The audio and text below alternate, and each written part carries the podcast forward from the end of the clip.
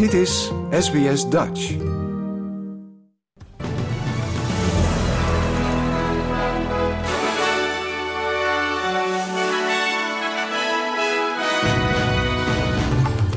Zijn de headlines van het SBS Dutch nieuwsbulletin van zaterdag 24 december.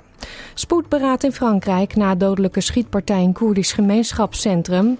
Speciale veerdienst voor door overstromingen afgesloten communities in South Australia. En kerstdrukte op Australische vliegvelden.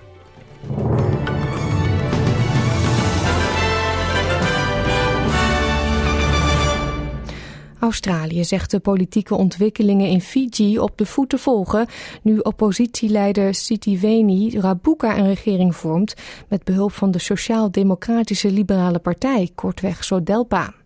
Het parlement van Fiji komt vanavond op kerstavond bijeen om te stemmen over de nieuwe premier, terwijl voormalig leider Frank Bainimarra moet zijn verkiezingsnederlaag nog moet erkennen.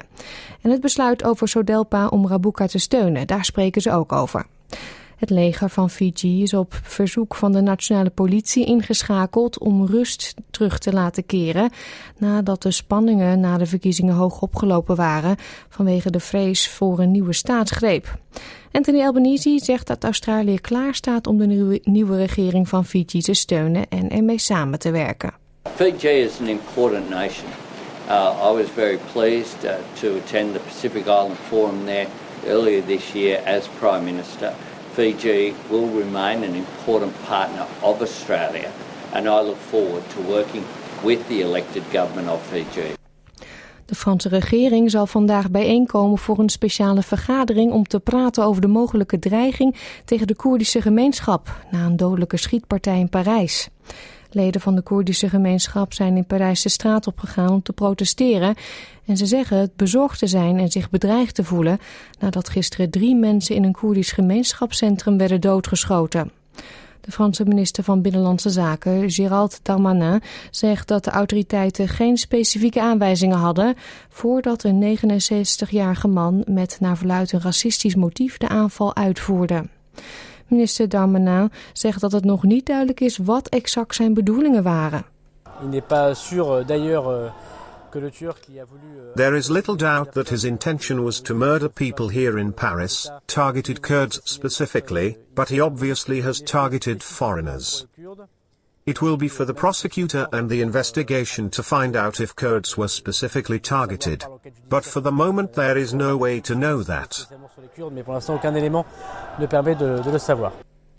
De staat South Australia heeft aangekondigd een gratis veerdienst op te zetten voor inwoners van een door overstromingen getroffen township nabij de Murray River, zodat ze in contact kunnen blijven met vrienden en zich kunnen blijven bevoorraden. Minister van Transport Tom Koutsantonis zegt dat de regering heeft besloten de dienst te onderschrijven, zodat de Mannum en Kowira gemeenschappen met elkaar verbonden kunnen blijven. Met de sluiting van veel veerboten en bedrijven raakten ze namelijk geïsoleerd. De minister zegt dat het ook een manier is voor de regering om bedrijven draaiende te houden, aangezien de overstromingen een normaaliter bloeiende toeristenindustrie in de Riverland-regio hebben getroffen. This is the most busiest time of the year for what would be normally a beautiful river cruise service that is now can't operate. This is a way of the state government contracting with an engaged business that is losing out because of the floods to keep them working, to keep them afloat, uh, for a poor pun, uh, but also to make sure that uh, they can keep on going through Christmas and the New Year. De veerdienst begint op 27 december en zal tot na de orde doorgaan. Luchthavens in het hele land hebben te kampen met enorme drukte nu veel mensen naar huis gaan om kerstmis met hun gezin door te brengen of ergens anders op vakantie gaan. Alleen al op Tullamarine in Melbourne worden vandaag meer dan 100.000 passagiers verwacht. De luchthaven van Brisbane verwacht tijdens het hele vakantieseizoen meer dan 3 miljoen reizigers. In Sydney zullen in de periode tussen 12 december en 1 januari naar verwachting 2,2 miljoen passagiers van de luchthaven gebruik maken. Dit is een stijging van 82% ten opzichte van diezelfde periode in 2019 voor de coronapandemie. Tennisnieuws dan. Rafael Nadal zegt dat hij zijn Australian Open titel in januari met succes kan verdedigen.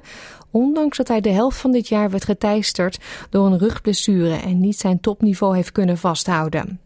Nadal reist maandag af naar Sydney om deel te nemen aan de United Cup Mixed toernooi ter voorbereiding op de Australian Open.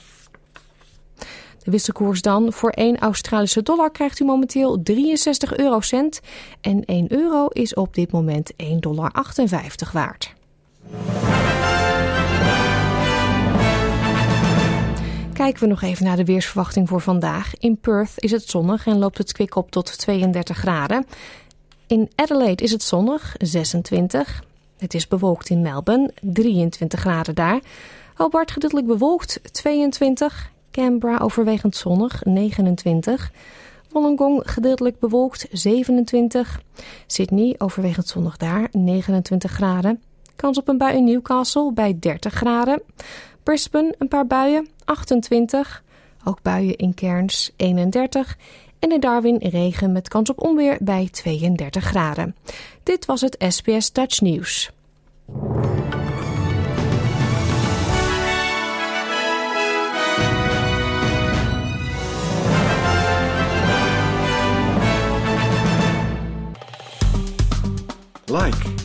Deel, geef je reactie. Volg SBS Dutch op Facebook.